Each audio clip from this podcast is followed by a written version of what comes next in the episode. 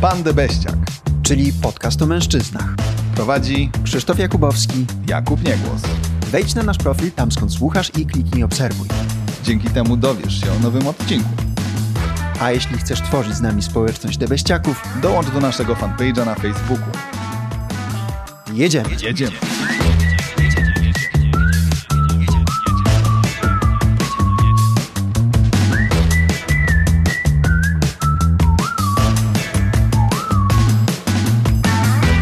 Odcinku postanowiliśmy porozmawiać o pomocy, o tym, gdzie ta pomoc jest w życiu debeściaka, gdzie powinna być i jak się w tym wszystkim odnaleźć, ponieważ kiedy nagrywamy ten odcinek, to jeszcze wojna trwa. Mam nadzieję, że któryś z debeściaków, jeśli tego słucha, wojna jest przeszłością, ale wątpię, więc postanowiliśmy porozmawiać o tym, no jak nieść pomoc w tych dosyć specyficznych czasach. Trudnych, złych czasach. Nazywajmy to po imieniu. No, Krzysztofie, jako że zaproponowałeś ten temat, myślę, że najlepiej będzie usłyszeć, przynajmniej z mojej perspektywy, jak, jak to wygląda twoimi oczami. No moje doświadczenia są takie, że na przełomie lutego, marca miałem taki słabszy okres y, w swoim życiu. Zwykle w miesiącach zimowych, y, kiedy tego słońca jest mniej, to mam mniej takiej energii życiowej, plus jeszcze różne tam problemy zawodowe, plus na to się nałożyła wojna i to się wszystko tak zbiegło, że no, nie był to najlepszy czas, a że nie chciałem siedzieć bezczynnie i jakoś chciałem się włączyć y, w pomoc w tej sytuacji, no to zdecydowałem się zostać wolontariuszem y, w Warszawie jako ochotnik. Nigdy wcześniej nie byłem wolontariuszem, więc trochę ryzykowałem. Chociażby to, że musiałem wstać bardzo wcześnie rano, o godzinie czwartej, gdzie zwykle śpię albo się kładę o tej godzinie, więc no to już było jakimś wyzwaniem. Dla mnie taka godzina to tylko na samoloty. A, a i to ciężko. No i nie żałuję tej decyzji, bo oprócz tego, że pomogłem, wydaje mi się, że pomogłem, to jeszcze coś kliknęło i od tamtej pory wszedłem na wyższe obroty i z taką dużą, większą energią. Myślę, że z dwóch powodów. Po pierwsze, dlatego, że poczułem się potrzebny, mimo że wykonywałem dosyć proste prace, jak e, mm, zawożenie do mieszkań matek z dziećmi, kontrolowanie tych mieszkań, segregowanie darów, pakowanie ich, wysyłanie, wydawanie posiłków, to jednak te czynności spowodowały, że no jakoś poczułem się w tej trudnej sytuacji potrzebny, a dwa, że zobaczyłem na własne oczy, że inni mają ode mnie gorzej i ja w zasadzie jestem w bardzo dobrej sytuacji w porównaniu z nimi. I najbardziej zapamiętałem taki moment, w zasadzie pierwsze moje zetknięcie e, takie namacalne z tymi gośćmi z Ukrainy, kiedy wszedłem na taką wielką halę, gdzie spały matki ze swoimi dziećmi i spojrzałem na te dzieci i pomyślałem, że no, w jak trudnej sytuacji one są, że musiały zostawić swoje domy, swoje szkoły, swój kraj i przenieść się do zupełnie nieznanego sobie miasta. Nie wiadomo co dalej, nie wiadomo czy zobaczą swoich ojców. I kiedy to zobaczyłem, to tak, mi, tak ścisnęło mnie za gardło ten widok, że coś koordynatorka wolontariuszy do mnie mówiła i ja nie byłem w stanie jej odpowiedzieć, bo na mnie to takie wrażenie zrobiło. Potem oczywiście już y, to minęło, kiedy przechodziłem wielokrotnie przez te hale. Natomiast ten, to pierwsze zetknięcie było dosyć takie, no, na pewno je zapamiętam na długo. No na pewno. No i mocne, mocne. To, co opisałeś, byłem tam, zobaczyłem to oczami wyobraźni. Też mnie ścisnęło za gardło w tym momencie. To uświadomiło mi właściwie no, prostą rzecz, którą każdy wie, no, że jeżeli z czymś my mamy trudności, to czasami warto się po prostu otworzyć na innych i pomóc innym, i wtedy te nasze problemy się po prostu jakoś układają. I ja tak miałem właśnie w tej sytuacji, że po tym doświadczeniu mnie wszystko również zaczęło się układać, więc to takie no, podwójna korzyść. Nie dość, że, że ja pomogłem, to jeszcze mnie to pomogło. Zrozumiała sprawa. Czyli właściwie to nie było takie zajebiście, bo ktoś ma gorzej, tylko rzeczywiście to oczyszczenie przyszło po pierwsze dlatego, że no, mam wrażenie, że jakąś empatię musiałeś w, w sobie uwolnić. No i sam fakt, że w ogóle w wolnym czasie, kiedy mówisz, że ci się wiele rzeczy nie układało, stwierdziłeś, że to ja zacznę pomagać. No, przyznać trzeba, że mało osób ma tego typu pomysły, bo przeważnie mam, mam wrażenie, że pomaga się wtedy, kiedy czuje się, że to jest dobry moment na pomaganie, a ty mówisz, że moment był niedobry na nic, a ty wymyśliłeś, że chcesz pomagać, więc no szacunek za takie myśli i działania, no i też tak jak wcześniej powiedziałeś, że coś typu, że masz wrażenie, że mogłeś pomóc. Myślę, że to nie trzeba mieć wrażenia, tylko po prostu pomogłeś i, i to jest fajne, więc no, miło z twojej strony. Miło z twojej strony. A powiedz, jakie są Twoje przemyślenia na temat pomagania? Na temat pomagania, właśnie a propos tego, co Ci przedtem powiedziałem, to akurat jestem po tej stronie, że, że walczę od kilku lat o to, aby mój biznes przetrwał. Więc uważam, że pomagać można wtedy, kiedy ma się jakiś komfort i, i jakiekolwiek poczucie stabilizacji. Akurat u mnie w branży jest na tyle dużo zmiennych, że no mówię już od, od końca właściwie 2019 roku były wielkie problemy. Dużo ludzi odeszło w ogóle z mojej branży, więc, więc to, że się utrzymaliśmy, no jestem bardzo wdzięczny. I to, na co ja się zdecydowałem, to jest po prostu na osobistą pomoc finansową, no, ponieważ wiedziałem, że ludzie, którzy organizują te zbiórki, te pomoce, moi znajomi, że po prostu zrobią to dobrze, że robią to dla konkretnych ludzi. Jest to taka no, czysta energia idąca w konkretne miejsce do konkretnych ludzi. Ja lubię takie spersonalizowane akcje, więc wiedziałem, że tutaj nie ma żadnego prawdopodobieństwa na to, że ktoś wrzuci komuś linki, ktoś zapłaci, nie, przekaże środki nie w to miejsce, co trzeba, ale docelowo, jeśli by to nie byli ci ludzie, jeśli bym nie wiedział, że to są zaufani ludzie, no to na pewno bym e, dołączył po prostu do którejś zbiórki organizowanej przez e, no, jakiś większy podmiot, który jest e, sprawdzony, zweryfikowany i działa. To ja jeszcze dodam, bo, bo powiedziałeś o tych zaskoczeniach, co cię zaskoczyło, to mnie się przypomniało, co mnie zaskoczyło. No to mnie zaskoczyła postawa Polaków wobec tej sytuacji i powiem szczerze, że to jest coś, na co ja czekałem już od wielu lat. Po tych y, wszystkich podziałach politycznych, które nadal są, ale zeszły trochę na drugi plan, po latach pandemii, gdzie byliśmy wyizolowani, my się potrafiliśmy zjednoczyć i w zasadzie bezinteresownie, no bo to nie jest w obliczu naszej krzywdy, tylko krzywdy naszej, naszych sąsiadów, potrafiliśmy się zjednoczyć i po prostu pomagać. I jestem naprawdę dumny z Polaków i ja zresztą ja to widziałem, kiedy e, również byłem jako wolontariusz, taką, no, byliśmy, jesteśmy zintegrowani, jesteśmy w tym razem e, i jeżeli któryś z debeściaków z, nas słuchających w jakikolwiek sposób pomagał, e, to ja jestem z niego dumny i, i dziękuję za to każdemu, bo bo wydaje mi się, że zrobiliśmy coś i robimy nadal jako Polacy coś wyjątkowego i, i niezwykłego. I oby tak pozostało, oby to nas y, integrowało, nas jako Polaków i y, Polaków i Ukraińców, i żeby nikt tego po prostu nie zepsuł. No, jeśli jesteśmy na tym poziomie świadomości i takim poziomie bycia grupą, no to, to po prostu my mamy tego nie zepsuć. I myślę, że jest, że jest to bardzo dobry kierunek. Też mi się to podoba i rzeczywiście jestem wdzięczny również. Więc dziękuję Wam.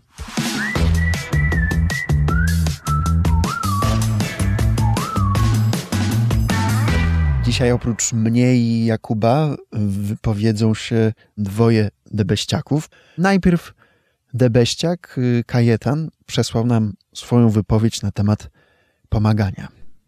Witam panowie, z tej strony Kajetan. Czy warto, dlaczego i jak pomagać Ukraińcom? Nie będę tutaj jakoś bardzo oryginalny w swoich przekonaniach. Uważam, że są zbieżne z powszechnymi przekonaniami w naszym kraju. Zatem, czy warto pomagać? Zdecydowanie. Tym bardziej, że sytuacja z wybuchem wojny jest absolutnie bezprecedensowa i wręcz szokująca. A ludzi, których w brutalny sposób dotknęła, są ogólnie mówiąc tacy jak my. Mamy XXI wiek i zupełnie nie spodziewałem się, że coś takiego może się wydarzyć w cywilizowanym świecie, tak blisko granic naszego państwa. Stoimy przed faktem dokonanym i nie możemy pozostać bezczynni w obliczu takiej tragedii. Dlatego pomagajmy jak tylko możemy, ale róbmy to mądrze, czyli w pierwszej kolejności zwróćmy się do zaufanych organizacji, które na co dzień tym się zajmują. Oni będą wiedzieli, jak udzielić pomocy w miejscach, gdzie faktycznie jest potrzebna. Najprościej jest przekazać fundusze, przedmioty lub żywność, o którą prosi dana organizacja. Jeżeli jesteśmy gotowi bardziej zaangażować się w pomaganie, to też róbmy to w sposób przemyślany, a nie w przypływie chwili. Tu zawczasu warto przygotować się i na przykład przyjmując uchodźców pod swój dach, sprawdźmy, czy jesteśmy w stanie zapewnić im odpowiednie warunki, nawet na dłużej, nieokreślony czas, bo nikt nie wie, jak długo taka sytuacja potrwa. Podsumowując, chcąc nieść pomoc, nie bójmy się prosić o pomoc.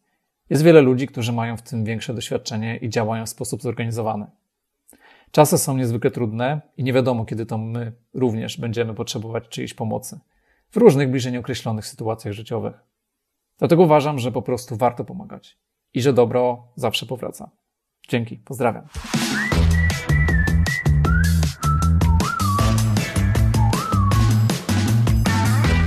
Rzeczywiście te organizacje, ważna sprawa. No i to o tym wiele się mówiło, więc y, mam wrażenie, że wiele osób jednak otrzymało ten komunikat albo rozumiało go zanim nawet one zostały, tego typu komunikaty zostały wysyłane, no że rzeczywiście oparcie się o kogoś, kto po prostu to robi regularnie, no, jest dobrym pomysłem. No i teraz rzeczywiście no, sprawdzanie tych warunków, tak, czy, czy to ty mówiłeś o tym, że trzeba kontrolować te mieszkania, do których no, uchodźcy są wprowadzani, nazwijmy to, tak, które są po prostu im udostępniane, no tak samo trzeba też wziąć pod uwagę taką długą falę e, tej pomocy, czy rzeczywiście jesteśmy w stanie to zrobić, czy to są warunki dobre dla kogoś i też dla nas, tak? Nie tylko i wyłącznie, żeby zadziałać pod takim impulsem emocjonalnym, że właśnie na chwilę poczujemy, że to jest dobry pomysł, a później się okaże, że na przykład będzie nieprzyjemnie dla kogoś. No i ostatnia kwestia, że Kajetan nie spodziewał się, że w cywilizowanym świecie coś takiego się wydarzy. No właśnie problem jest taki, że te wojny to one co chwilę gdzieś są. Nie? Więc mam wrażenie, że w XX wieku ludzie też myśleli, że są już w cywilizowanym świecie. No tak, to co powiedział Kajetan i to co ty powiedziałeś, żeby pomagać e, mądrze, ja też na początku zupełnie nie wiedziałem, jak e, jak pomagać. Pierwszą rzeczą, którą zrobiłem, to też przelałem na organizację, która już od lat y, ma doświadczenie, wie jak to robić. I to, to zdanie, które powiedział Kajetan, sobie zapamiętałem, że chcąc pomóc, nie bójmy się prosić o pomoc, no bo są ludzie, są organizacje, które po prostu mają w tym większe doświadczenie od nas i warto z tego skorzystać. A to, czym zakończył Kajetan, to że dobro zawsze powraca. Jestem ciekaw, Jakubie, czy ty się zgadzasz z tym, że dobro zawsze powraca? No, w, tej, w tym przypadku to akurat chyba trzeba powiedzieć, że zło też zawsze powraca, no i właśnie wróciło i dlatego sprawiło, że dobro może powracać. Też oczywiście tak zgodnie z moją filozofią życia, no tak, no dobro powraca, więc y, dobrze jest je dawać i kiedy oczywiście daje się to dobro świadomie, według mnie wtedy ono powraca. Bo kiedy się robi coś sztucznie, na przykład wizerunkowo, no to uważam, że niekoniecznie, jeśli jest to oczywiście jakaś poza, że to dobro robimy, ale takie dobro dane mm, z, z, takim, z taką czystą energią i, i takie wynikające po prostu z chęci, jak najbardziej takie dobro powraca.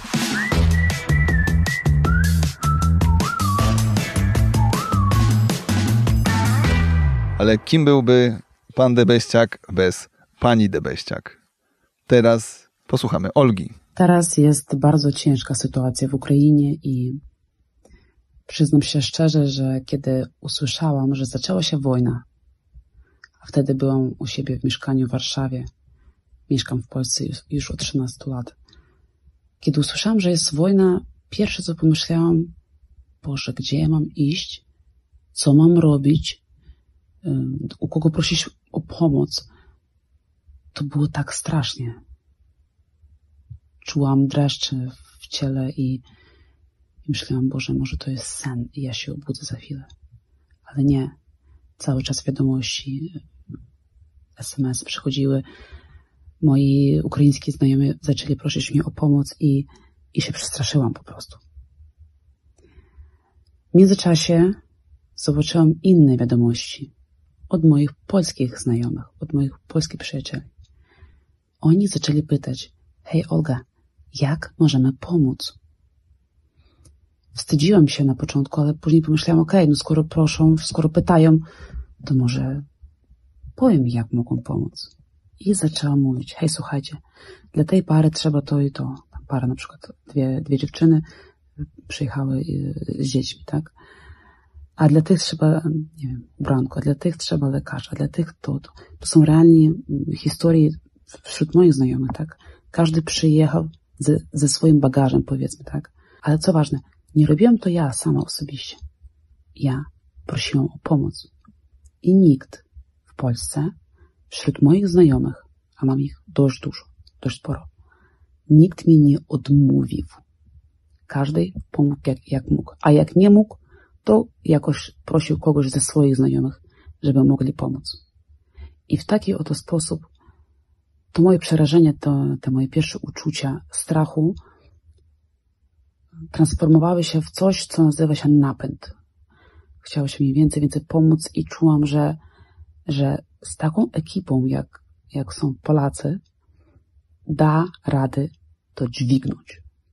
Chyba każdy Ukrainiec będzie to pamiętał do końca swojego życia. I jak mówi Owsiak, i jeden dzień dłużej. Co według mnie warto było poprawić, to, to jest sama pomoc Polakom zrozumieć, jak trzeba pomagać. Polacy też mają swoje życie i oczywiście każdy pomaga jak, jak, jak może, ale wydaje mi się, że fajnie byłoby dzielić się informacją o tych, kto już przyjął na przykład do siebie do domu uchodźców, o tym, jakie oni mają potrzeby, co jest specyficzne dla, dla Ukraińców, jak, jak podzielić obowiązki i tak dalej, bo no umówmy się, to jest sytuacja nietypowa. Nie każdy wie, jak zachowywać się nawet, czy, czy gadać z, z, z, z uchodźczynią, czy z, z dzieckiem, czy nie gadać z tym, jak się zachowywać się. Uważam, że co można poprawić? Można wesprzeć samych Polaków w pomocy dla Ukraińców.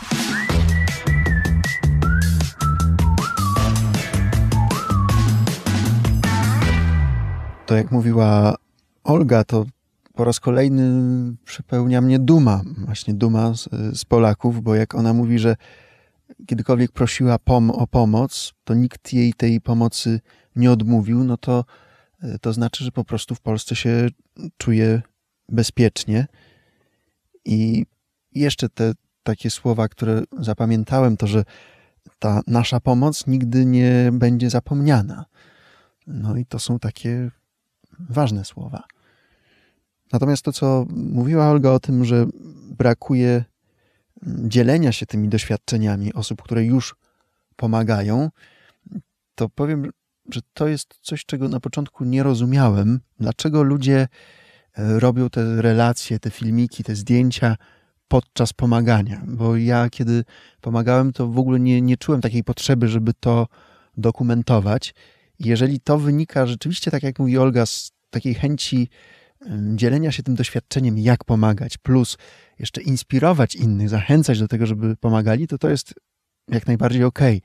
Natomiast ja się czasami obawiam, że to jest chęć jakiegoś takiego trochę chwalenia się tym, że pomagają. Ja podam może y, przykład mojego znajomego z Facebooka, który y, na początku, jak ta wojna wybuchła, to jeździł na granicę po Ukraińców i zawoził ich do Warszawy. Co się okazało później nie do końca korzystne, no bo tam powstawały korki i Ukraińcy bali się wsiadać do tych samochodów nieoznakowanych, ale on dokumentował każdy moment tego, tej, tej swojej pomocy. No i wydaje mi się, że trzeba uważać na to, czy to nie jest jakieś takie lansowanie się, chwalenie się tym i właśnie też y, wprowadzanie w poczucie winy tak, tych, którzy nie chcą lub nie mogą w ten sposób pomagać, czy rzeczywiście wynika to z no, zachęcania i dzielenia się swoim doświadczeniem. Wydaje mi się, że jest cienka granica i trzeba po prostu na to uważać. Czy ja wiem? Nie no, tak, no oczywiście, że jest to jeden z rodzajów, znaczy inaczej, z jedna z motywacji do, do pomocy, no to właśnie jest ta wizerunkowa. Uważam, że tutaj można było po prostu przestać w ogóle oceniać siebie samych y, w kwestii tego, jak pomagamy, bo to, czy ktoś prowadzi, no nie wiem, załóżmy no na przykład firmę i, i postuje codziennie jakąś informację związaną z firmą, z branżą, z realiami, co tam się dzieje, no to, to jest według mnie od, od, można byłoby po prostu oddzielić tę te, te, te stronę wizerunkową od strony pomocowej i popatrzeć na to, czy ktoś pomógł. Jeśli ktoś pomógł i dał, nie wiem, 10 tysięcy złotych, przekazał, to, to ta pomoc może na przykład na wielkość takiej firmy jest proporcjonalna do tego, że duża firma dała na przykład 10 czy 20 milionów. Więc y, jakby jeśli ktoś chce wrzucić informację, że dał 10 tysięcy złotych, to jest super. Tak ja mówię o tej finansówce dalej, zgodnie z tym, co u mnie w głowie było. Mm, I, I tyle. I bym po prostu tego nie oceniał. Może ktoś nawet 40 razy posta wrzucić, że dał to 10 tysięcy. Jeśli coś dostanie w zamian za to, że to zrobił, nie wiem, nowych klientów, po prostu więcej zainteresowania, komentarze, no, żeby po prostu ktoś nie dostawał według mnie komentarzy, czemu tak mało, o 10 no przecież więcej macie, albo cokolwiek tego typu. I mam wrażenie, że właśnie dużym problemem właśnie w tej pomocy, w pomocy jest to, że ludzie, którzy chcą pomóc, oni nawet nie tyle, że nie wiedzą gdzie i, i, i komu pomóc, tylko że oni nawet nie wiedzą, jak się poczuć sami z dawaniem tej pomocy. I, I przez to, że sami się czujemy oceniani przez innych, to możemy być po prostu zblokowani. I uważam, że gdyby było mniej tych takich negatywnych komunikatów odnośnie tego, że trzeba uważać na to, jak się pomaga, to, to po prostu więcej ludzi by pomogło. Byłoby to zwyczajnie w świecie takie zachęcanie do tego, że fajnie jest pomagać i że się tym dzielimy. A w momencie, w którym ktoś pomaga i ten, ten za dużo postuje, y, tamten to, to chyba ten, tamten to chyba nie wrzucił posta, a miał wrzucić posta, że, że dał, dał pieniądze, no to automatycznie komuś mniej się może chcieć, bo już ma jakieś negatywne skojarzenia związane z tym pomaganiem. Więc ja uważam, że po prostu powinniśmy się skupić na pomocy, a jak to komunikujemy, tak, jak każdy się z tym czuje dobrze. No tak, no, znaczy według mnie po prostu, kiedy pomagamy, to te posty powinny po prostu schodzić na drugi plan. Chrzanić te posty, no po prostu pomagajmy. Dokładnie. I nie oceniajmy postów, tylko pomoc. No i taki inny jeszcze od tych, które ty wymieniłeś, morał z tej historii jest taki, że po prostu warto mieć przyjaciół. Bo oprócz tego, że no, Olga no, sam, sama jest z, z Ukrainy i, i pokazała, że można pomagać, można być taką niemalże małą centralą wspierającą inicjatywę, albo właściwie no, no sama pewnie też część rzeczy inicjowała, no i tak mówię, że na początku miała ten paraliż taki, który, który wszystkim nam towarzyszył, właściwie na samym początku. Tak, no mm, uważam, że ona pokazała, że ona jest dobrą osobą, bo skoro ludzie sami się do niej zwracali i to w pewien sposób wyrazili uznanie, dlatego że to ona jest tą dobrą organizatorką i ona jest w stanie zrobić to dobrze. Więc y, dla, dla mnie z tej perspektywy cieszę się, Olga, że masz takich ludzi dookoła siebie, no i że ty jesteś taką osobą. Reasumując, pomagać warto. Jest dużo dobrych ludzi, którzy robią to ze szczerego serca, oddają tę energię, nie potrzebują nic w zamian. Nie oceniajmy również tych, którzy chcą mieć coś w zamian, zgodnie z naszym odcinkiem numer 3. To jest czas i energia, który poświęcamy i niektórzy chcą to wymieniać na walutę, na realne korzyści, bo tak jak to zresztą e, Olga wspomniała, no mamy też swoje życie i nie możemy o tym zapomnieć, że pomagać możemy do pewnego czasu, do pewnego stopnia, jeśli nie skupimy się nad tym, tu już moje myśli, jeśli nie skupimy się nad tym, mm, co dla nas najważniejsze, to też ta pomoc nasza będzie ograniczona, więc dobrze są tacy ludzie jak Krzysztof, którzy nawet w średnich momentach mogą dobrze pomagać. E, I to, co jeszcze zrobimy na koniec, to na pewno mm, podrzucimy Wam link do strony rządowej. Zawsze dobrze jest szukać na stronach gov.pl, bo no, te strony nie mogą mieć niewiarygodnych źródeł i niewiarygodnych linków, Więc oczywiście zawsze je jeszcze raz sprawdźcie, ale myślę, że jest to najprostsza droga do pewnych informacji. Oprócz tego, że wrzucimy link, to jeszcze zachęcamy Was do wzięcia udziału w dyskusji, no bo dyskusja się nie kończy, wojna też się niestety nie kończy, a my jesteśmy po prostu bardzo ciekawi Waszych, y, waszych opinii na temat pomagania w kontekście Ukrainy. Czy pomagacie, jak pomagacie, a może nie pomagacie i też jesteśmy ciekawi, Dlaczego? Dlaczego? I nawet jeśli, drogi Debeściaku, słuchasz tego po jakimś czasie, to odwiedź nasz fanpage y, Pan Debeściak i spróbuj znaleźć ten post i być może nawet po jakimś czasie napisz swój komentarz, jak to z perspektywy czasu wygląda. My jesteśmy tego bardzo ciekawi i z chęcią czytamy te wszystkie komentarze. Zachęcamy do dyskusji. Zachęcamy również do przesyłania nagrywek y, głosowych do kolejnych naszych odcinków. Te nagrywki możecie nam przesyłać w formie głosówek, chociażby przez Messengera. My je zamieścimy w kolejnych odcinkach. A panem i panią Debeściak w tym odcinku jest Kajetan. I Olga. Tymczasem bardzo Wam dziękujemy. Do usłyszenia zarówno w tych kolejnych, jak i w poprzednich odcinkach. Krzysztof Jakubowski. Jakub Niegłos.